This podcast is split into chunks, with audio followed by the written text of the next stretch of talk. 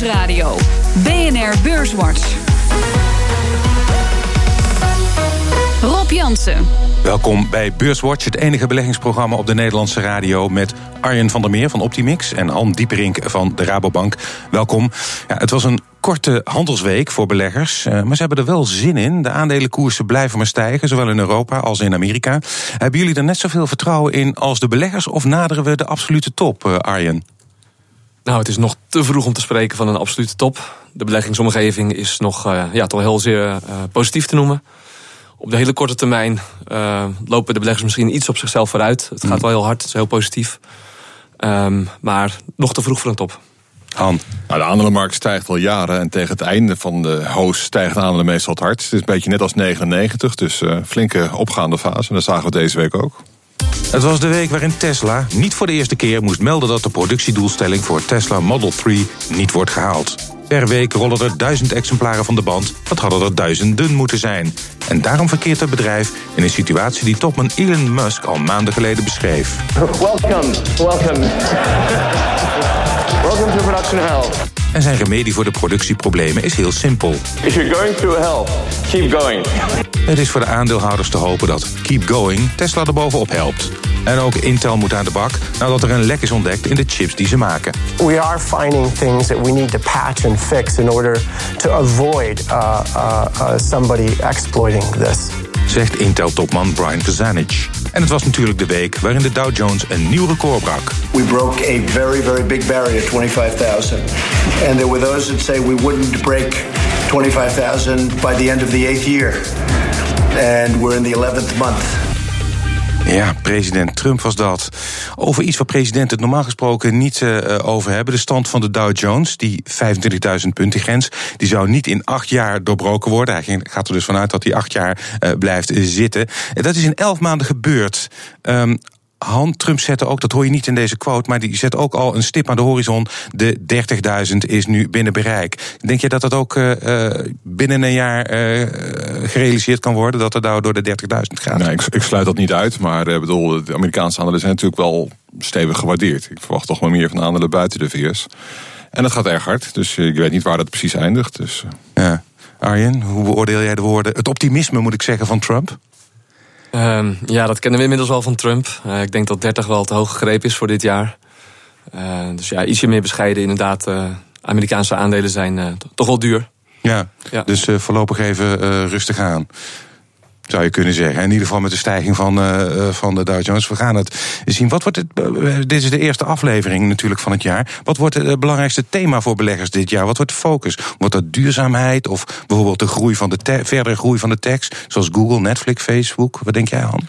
Nou, ik heb de indruk dat de economie naar boven trend gaat groeien en dat we misschien wat inflatie zullen zien. En we hebben eigenlijk een obligatiemarkt die doet alsof er niets aan de hand is, alsof er een soort recessie aankomt. Zo laag is die rente op dit moment. Ja. Een andere markt die maar aangeeft, ja, het gaat goed, het gaat beter. Je ziet de investeringen groeien, de winsten stijgen.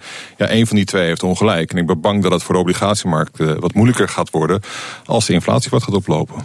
Ja, en dat betekent en met als gevolg voor de aandelen dat ze. Nou, aandelen hoeft er eerst niet zoveel last van te hebben. Bedoel, winsten zijn nominaal, dus dat heb je reëel en een beetje inflatie. Dat is helemaal niet erg. En ook als de rente wat stijgt, hoeft het geen probleem te zijn. Zeker niet als het normalisatie is. Op het moment dat die rente zo hard stijgt dat het remmend werkt op de economie, dan is het een ander verhaal. Maar zover zijn we nog niet. Hmm. Arjen, denk je dat ook? Um, ja, het verschilt eigenlijk niet zo heel veel. Uh, je ziet dat de economie heel sterk groeit en dat zal positief zijn voor bedrijfswinsten. En ook de inflatie zal wat op gaan lopen en uh, dus de rentes ook. Uh, dus ja, in renteland is weinig te verdienen. Dus het zal toch aandelen blijven. En ja, ik denk toch ook grondstoffen. Hmm. Ook grondstoffen. Ja. ja. Um, nou, ik ben heel benieuwd, want het is natuurlijk, als je kijkt naar indicatoren, een van de belangrijkste indicatoren, zeker voor particuliere beleggers, die kijken naar de duurte, de koers-winstverhouding. Die, is, die staat op, nou ja, ik durf bijna niet te zeggen, op pre-crash niveaus. Zeker, die, die bekende, de beruchte Schiller PE. Ja. Nou, de Schiller PE is natuurlijk een tienjaars gemiddelde van de winsten. Dus staat ook de slechte jaren 2007 en 2018. Dus die vallen er geleidelijk uit. Dus ook al blijft de beurs gelijk, dan op een gegeven moment zie je dat de PE omlaag gaat. Maar gewoon als je gewoon normale koers-winstverhouding kijkt in de VS 22, 23, ja, dat is wel stevig. Dat is behoorlijk gewaardeerd. Uh, bijvoorbeeld als je kijkt in Azië, dan heb je ook beurzen die gewoon naar beneden de tien keer of één keer boek staan. Dus bedoel, mm. het verschilt nog wel wereldwijd uh, hoe de aandelen gewaardeerd zijn. Mm. Amerika is ook wat vertekend door de tech natuurlijk, die ook erg goed gedaan heeft. Ja. Maar is dat ook iets wat die techs blijven die het hebben die de toekomst? Gaat dat nog verder groeien? Want er is die, als ik het even heb over Netflix, maar vooral Google, Facebook, Amazon, die claim ook steeds meer van de winst die gemaakt wordt in de SP 500. Gaat dat nog door, denk jij, Arjen, die ontwikkeling? Um, ja, het is heel moeilijk te zeggen waar precies het kantelpunt gaat zitten. Ik denk dat de leiderschap van de beurs wel gaat verschuiven weg van die techbedrijven. En meer naar de cyclische bedrijven, kapitaalgoederen, grondstoffen. Hmm. En ik denk dat ja, tech zowel vanuit de rente als wellicht uh, geluiden vanuit de regelgeving toch meer uh, tegenwind gaat uh, te verduren krijgen. Hmm. het ehm, sluit nog niet uit dat tech dit jaar nog het heel goed gaat doen. Ik bedoel dat het doorschiet net als in 99, maar dat die dezelfde discussie ook kunnen hebben van ja. tech is erg duur geworden, blijft daar nog in beleggen. dat momentum is toch heel erg sterk. En wat je wel ziet is dat zeker die grote monopolies, eigenlijk, zoals Facebook en Amazon en Netflix, ja, die profiteren natuurlijk van het netwerkeffect. En je ziet wel dat er commentaar is op dat monopolie. Hè. Dus dat mensen wat meer kritiek hebben. En ja, bijvoorbeeld als je kijkt naar Spotify, dat het dan eh, straks naar de beurs komt, dat die, dat die unicorns, die bedrijven die natuurlijk ook al heel erg duur zijn, omdat ze net zo groot zullen worden, ja, dat die misschien wat kwetsbaarder ogen toch wel. Toch, ook, dat, ja. Uh, ja, daar ben ik wel terughouden. Ja, is dat ook de regelgeving waar jij op doelt? Dat ze de grote bedrijven wat meer gaan inperken omdat ze te dominant worden? Ja, zeker privacyregelgeving. Ja. ja. Ehm, als we kijken naar uh, vandaag, hebben we, uh, en dan heb ik het dus over de onderliggende economie, kwam een banenrapport uit uh, Amerika over december. kwamen geen 190.000 banen bij, dat was de verwachting, werd 148.000. Um, je mag zeggen, objectief, dat is flink onder verwachting. Is dat ook een reden om je zorgen te maken, Arjen? Um, nee, denk ik zelf niet. Uh, de banencijfers zijn toch altijd wat. Uh, die schieten toch altijd wat heen en weer van boven naar beneden. Um, dus de vorige twee maanden waren ruim boven de 200. Dus zowel het drie maands gemiddelde op 204 als het 12 maands gemiddelde op 177. zijn hele robuuste banengroeicijfers. Dus dat mm. is volgens ons niet uh, een probleem. Voor jou ook niet, Han? Uh, nou ja, waar iedereen op let natuurlijk is niet zozeer het aantal banen of de werkloosheid. Die is natuurlijk op 4,1% vrij laag. Maar, mm. maar meer op de loongroei. Die was dit keer 2,5%. Ja. Dat is niet zo hoog, want als je kijkt in de geschiedenis met dit soort werkloosheid, is die loongroei altijd meer richting de 4%. Mm. Dus iedereen heeft een discussie van hoe kan het nou dat die loongroei zo laag is en wanneer gaat die dan uiteindelijk stijgen? Ja. Uh, en er zijn heel veel verklaringen voor. Dus je kunt zeggen, ja, eh, iedereen heeft tegenwoordig LinkedIn en alle andere mogelijkheden om zeg maar dat die werkloosheid wat lager is. Dus je hebt wat minder frictiewerkloosheid. Hmm. Ik kan ook zeggen, ja, mensen die eisen minder omdat ze kunnen nog steeds drie keer op vakantie. Want dan gaan ze gewoon met uh, EasyJet of met Airbnb en dan kun je een stuk goedkoper. En natuurlijk, de, de lonen stijgen dan wel heel gematigd. Maar de inflatie is natuurlijk ook heel gematigd. Dus het reëel. De koopkracht blijft nog. De koopkracht blijft redelijk overeind. Er zijn niet hele hoge looneisen. Maar je ziet bijvoorbeeld ook dat het over uurlonen gaat. En dan mhm. zie je bijvoorbeeld een oude groep eigenlijk uit de arbeidsbevolking gaat. En een relatief jonge groep die komt erbij. Ja, en we kijken naar het totaal gemiddelde. Maar als je nou alleen kijkt naar de jongere groep, daar stijgen de lonen echt wel. Dus het is ook wat, wat demografische factoren die vertekenen. Ook wat sectorvertekening. En ik geloof echt wel dat als die werkloosheid nog wat verder daalt. en die banengroei gewoon doorgaat, dat ook die loongroei gaat komen. Ik denk niet dat dat een iets is dat eeuwig op die 2,5% zal blijven. Mm. En uh, om het even uh, naar Nederland te halen. Want toevallig kwam ook deze week het Centraal Bureau voor de Statistiek met cijfers over de loongroei. Uh, die was in 2017 lager. Dan heb ik het wel over de CAO-lonen. Lager dan in 2016. Um, hier hebben wij hetzelfde probleem, Arjen. Lage loongroei. Maar op zich hebben we geloof dat we hier ook hebben, boven de 3% gaan groeien. Nou, ja, als, sorry, als je kijkt naar de ZZP'ers die tegenwoordig in de bouw actief zijn. Nou, die eh, vragen gewoon 20% meer hoor. Dus tegenwoordig, dat gaat gewoon heel hard omhoog. Dus, ja. Dus moet je eigenlijk meer ZZP'er zijn in een, in een schaarse sector waar schaarste is, dan in loondienst. Dat, dat is misschien het advies, Arjen. Um, ja, zou je kunnen zeggen, ja. Maar er zijn uh, de laatste dagen toch heel veel berichten over uh, krapte op de arbeidsmarkt en stijgende lonen. De werkgeversorganisaties geven toch aan dat over een breed front de, de lonen zullen stijgen. Dat is meer dan 2 procent. Hmm. Uh, we zien hetzelfde in Duitsland, Scandinavië, Oost-Europa. Dus in de periferie wat minder. Ja. Maar toch in steeds meer landen in Europa zien we dat toch wel opkomen. Ja. Die, ja. En is dat, is dat gebruikelijk, die, die, die enorme vertraging? Want de groei hè, is eigenlijk al heel lang gaande. En ik heb ook wel het idee dat bijvoorbeeld stakingen steeds meer effect hebben. Uh, leiden ook tot, uh, Nou, denk ik. Nou ja, wat je eigenlijk al een aantal recessies op rij hebt, eigenlijk sinds de jaren tachtig. Wat je ziet tijdens die globalisering, dat er, eh, als er dan drie fabrieken waren, zeg maar in de wereld, eentje in Azië, eentje in Europa, eentje in de VS. Dan ging dat de tijd dat het slecht ging, moest er eentje dicht. Dus dan liep de werkloosheid op. En dan was er eentje in de VS of één in Europa. En die banen kwamen er wel bij, maar die kwamen uiteindelijk bij in Azië. En zo zie je dus telkens weer dat het verrassend is hoe lang het duurt voordat die werkbanen er hier weer bij komen. En hetzelfde is eigenlijk ook daaraan gekoppeld voordat de lonen daadwerkelijk beginnen te stijgen. En nu zie je ook heel duidelijk dat naast die outsourcing van producten, globalisering ook een outsourcing hebt van diensten. Je kunt ook heel makkelijk natuurlijk spullen in India laten diensten verzorgen. Of mensen uit India komen gewoon hier naartoe. Ja. Dus dat is, zorgt wel voor wat extra flexibiliteit. Maar op een gegeven moment dan raak je toch, hoewel je alle capaciteit benut hebt, kom je tegen de grens aan. En, ja, en dan is het niet anders dan dat de prijs omhoog gaat. Een hele simpele economische wetmatigheid. Ja. Dus, eh, Zometeen dan praten we verder over de beurs en economie. Onder andere over Tesla en TomTom. Nieuwsradio. BNR Beurswatch.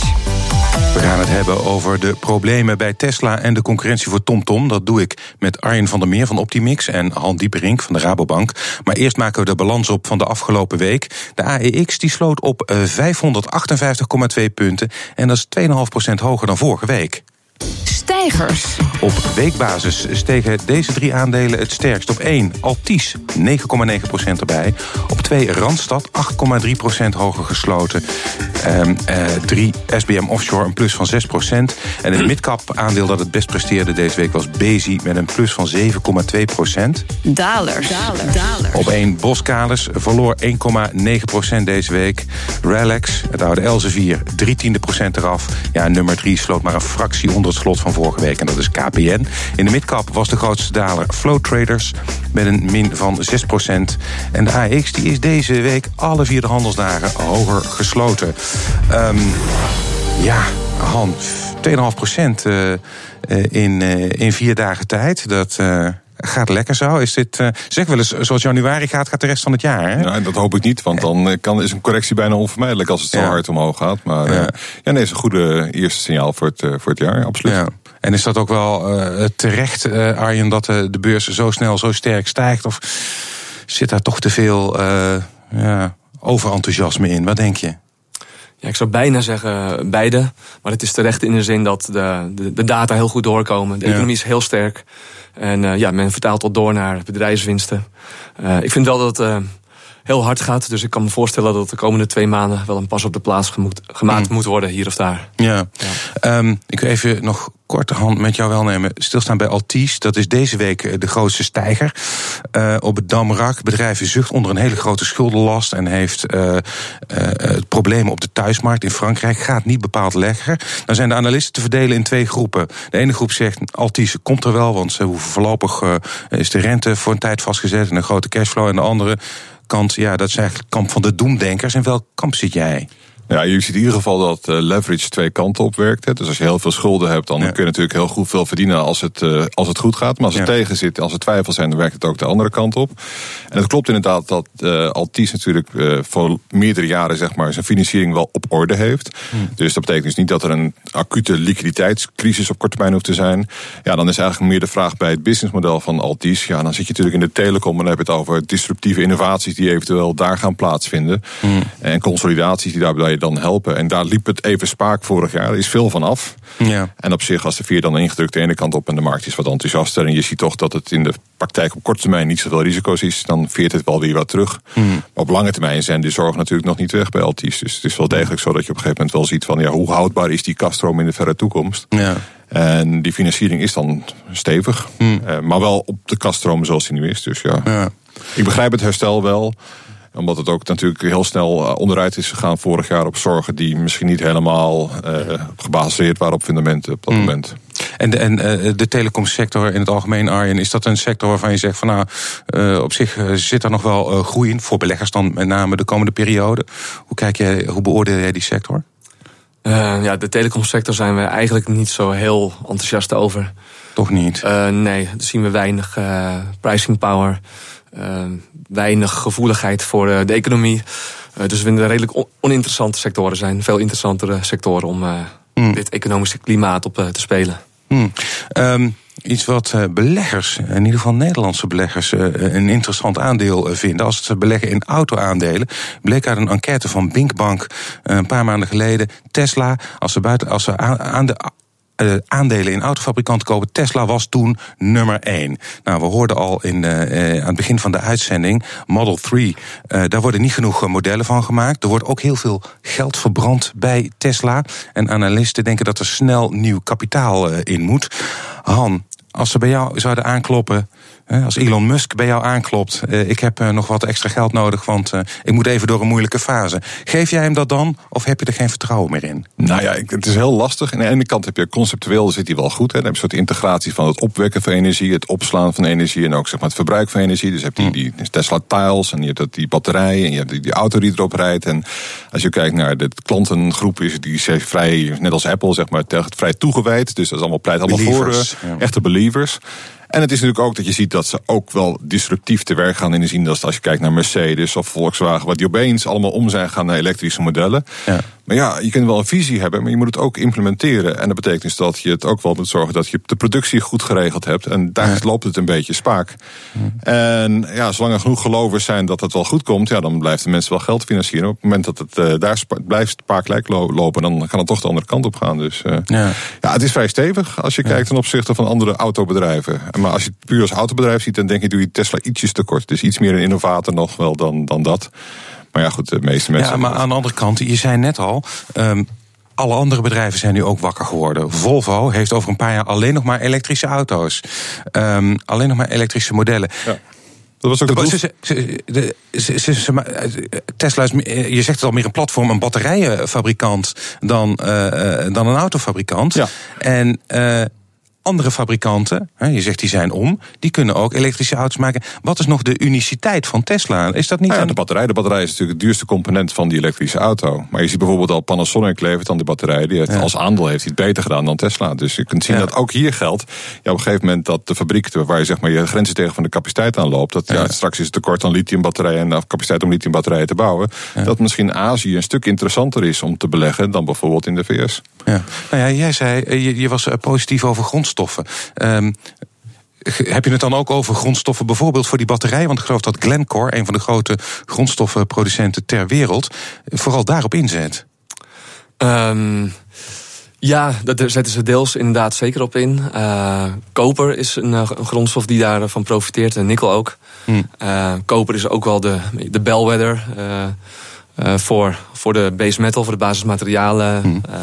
sector.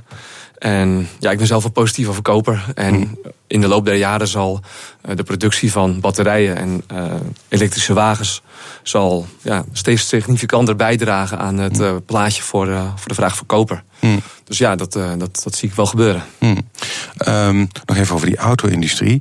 Um, er zijn ook verkoopcijfers gekomen afgelopen week. En voor het eerst sinds 2009, Han. Um, was het geen goed jaar voor de grote drie in Amerika. Uh, turning point? Nou, je ziet het eind van de cyclus? Eind van de cyclus zijn weer hersteld, de autoverkopen, tot het niveau van voor de crisis eigenlijk. Dus ze hebben er echt zeven jaar of acht jaar over gedaan om weer tot het niveau te kopen. Op een gegeven moment komen, op een gegeven moment zag je ook auto's rondrijden. Op de gemiddelde auto in de VS was meer dan tien jaar oud. Dus er moest ja. ook wel wat vervanging komen. Het gaat beter met het consumentenvertrouwen. Ja.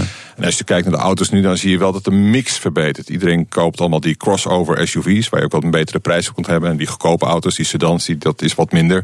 Dus ik denk dat autobedrijven niet ontevreden zullen zijn over de mix op dit moment. Maar het klopt, het is minder dan vorig jaar, maar het is wel alweer veel beter dan twee of drie jaar geleden. Dus uh, ja, het piekt wat uit. Het is niet zo dat er nou een forse daling is, denk mm. ik.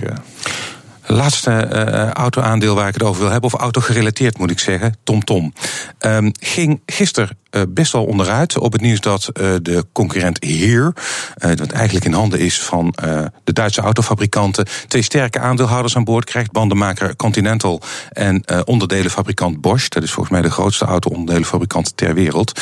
Um, en de zorg is, ja, met, deze, met die sterkere inbedding in de Duitse auto-industrie zal TomTom het moeilijker krijgen om als zelfstandige maker van kaarten en navigatieapparatuur te overleven. Han, deel jij die zorgen van uh, beleggers of zeg je van nou, TomTom die gaat het wel redden? Nou ja, dat, dat, weet ik niet. En wat ik wel zie is dat uh, die kaarten natuurlijk heel interessant zijn in het opzicht dat er straks zelfsturende auto's komen. Ja. en die hebben natuurlijk zeg maar een goed beeld nodig en hebben ook sensoren nodig en informatie moeten die verbruiken. Dan moet het, dus je ziet ook wel dat TomTom die kant op beweegt. Hm.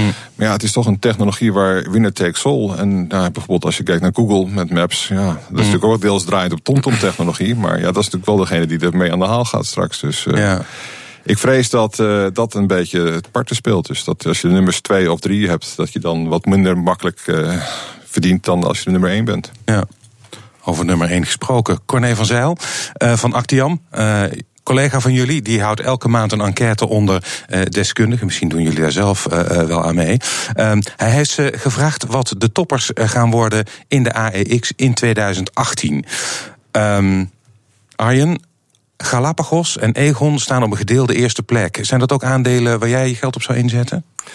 Um, niet heel direct. Uh, financiële waarden zijn we wel positief over, gegeven een stijgende rente.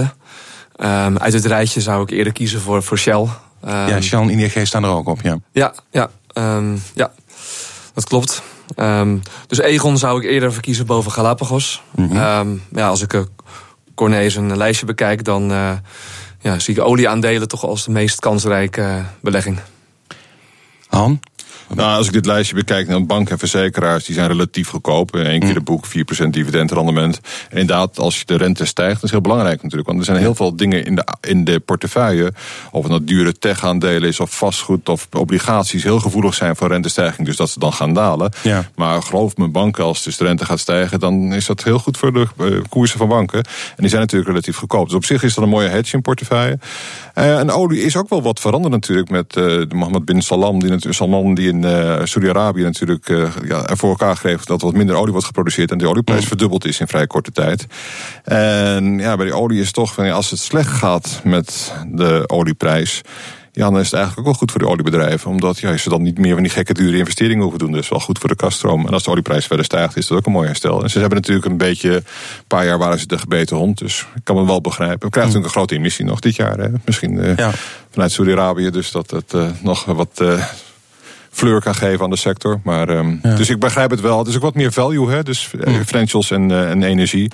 En dat zou best wel eens kunnen profiteren van een wat stijgende rente en een sterk oplevende economie. Dus, uh. We hebben het hier heel erg over, uh, want onze luisteraars die beleggen natuurlijk vooral ook in Nederland, Europa, Amerika misschien. Zijn er dan nog de regio's daarbuiten waar jullie speciaal aandacht voor hebben? Arjen, denk je, regio's waar misschien nog meer groei te behalen is dan bij ons in het Westen? Um, ja, voor de lange termijn uh, zijn wij uh, eigenlijk heel positief over Azië. Dat zien we mm. toch als de grote groeimotor voor uh, de wereldeconomie voor de komende tien jaar. dus ja, op een drie, vijf en tien jaar basis is dat echt de place to be. we zijn positief over China. Dus wij, wij, delen de zorgen van de markt niet dat daar een, een schuldenzeebel op klappen staat. Mm. We denken dat, dat ze dat prima onder controle hebben. de winsten stijgen daar sterk. het leider, de leadership heeft daar een goed plan op poten. En uh, ook andere landen zoals India en Zuidoost-Azië, daar zien we veel groei. Mm. En de waarderingen zijn daar niet heel uh, zorgwekkend. Mm. Moeten beleggers inderdaad naar Azië? Ben je het ja, al mee eens? liever al op wat korte termijn zou ik zeggen. We zijn erg enthousiast en over Japan en over opkomende markten en over, ja. over het Pacific. In Azië staan de fabrieken van de wereld. Dus als je ja. kijkt, die fabrieken hebben nu meer pricing power omdat de capaciteitsgrenzen worden be be bereikt. Mm. En je ziet dus dat zowel de beurs van Korea, de beurs van uh, Japan als de beurs van China gewoon uitbreken. Gewoon Mm. dat na langjarige patronen dus nieuwe hoogtepunten neerzetten. En als je kijkt naar de waardering, daar valt het allemaal nog reuze mee. En zeker als je vergelijkt met de rest van de wereld. Ja. Dus uh, ja, als je wat inflatie verwacht. En als je verwacht dat er wat meer pricing power komt. Dat zie je bijvoorbeeld bij Samsung. Dat ontvangt meer op zeg maar, de onderdelen die ze maken voor de Apple iPhone. Dan met een uh, eigen telefoon. Dus je ziet het ook al in de chipssector. Overal zie je dus dat er heel veel pricing power is. Uh. Um, heel kort nog even. Voor het, uh, voor het einde van de uitzending vraag ik jullie altijd ook een concrete tip. Een, bijvoorbeeld een aandeel. Uh, het mag obligaties zijn, vastgoed. Als je nou een concrete tip moet geven voor de luisteraar, Arjen, wat zou je hem adviseren? Um, ja, ik heb het natuurlijk al meer over uh, olie gehad. Ja. En ik denk dat de dienstverlening aan de olie, de olieservices, dus die de, de, de velden ontwikkelen, uh, de seismisch onderzoek doen, uh, het, het boren. Dat is een sector die de afgelopen jaren ook echt een gebeten hond was. Mm. zeer ongeliefd onder beleggers. En daar zit heel veel opwaarts potentieel in. De oliesector? Ja, als je naar olie kijkt, dan moet je naar Rusland kijken. Want dat is een van de zeg maar, verliezers van vorig jaar. Ook Ja. laag gewaardeerd. Eh, we hebben de Europese Bank genoemd, die aantrekkelijk zijn. Maar als je dan toch heel enthousiast bent over Europa, waar mensen wel echt reden hebben om enthousiast over te zijn, dan zou ik eens naar Italië kijken. Ja? Italië? Want Italië is natuurlijk, we krijgen maar verkiezingen. En Ja. waarschijnlijk loopt het allemaal toch wel met de sisser af. Het gaat economisch wat beter. We krijgen Banken geen probleem. Ze- eh, ze- de helft van de banklening is al voorzien. En als de economie het goed doet, dan zie je dat ook die slechte leningen wat verbeteren. Natuurlijk moet er nog wat gedaan worden. Er is al een bedbank opgericht. Dus het is geleidelijk, het proces is gaande. En ja, iedereen die is wel uit Italië. Dus ook uit Italiaanse leningen of uit Italiaanse aandelen. Dus er is niemand meer die wil verkopen. Dus ik denk dat eh, als het goed gaat in Europa, dat Italië het eh, een heel goed. eh en is ook al goed begonnen dit jaar. Dus. Oké, daarmee zijn we aan het einde gekomen van deze aflevering van Beurswatch. Ik dank mijn gasten van vandaag, Arjen van der Meer van Optimix en Han Dieperink van de Rabobank. Volgende week is er natuurlijk weer een Beurswatch. Deze uitzending kunt u naluisteren op de website van BNR of via de BNR-app. En heeft u nog vragen, dan kunt u mailen naar beurswatch.bnr.nl of een tweet sturen naar Rob. Dank voor het luisteren.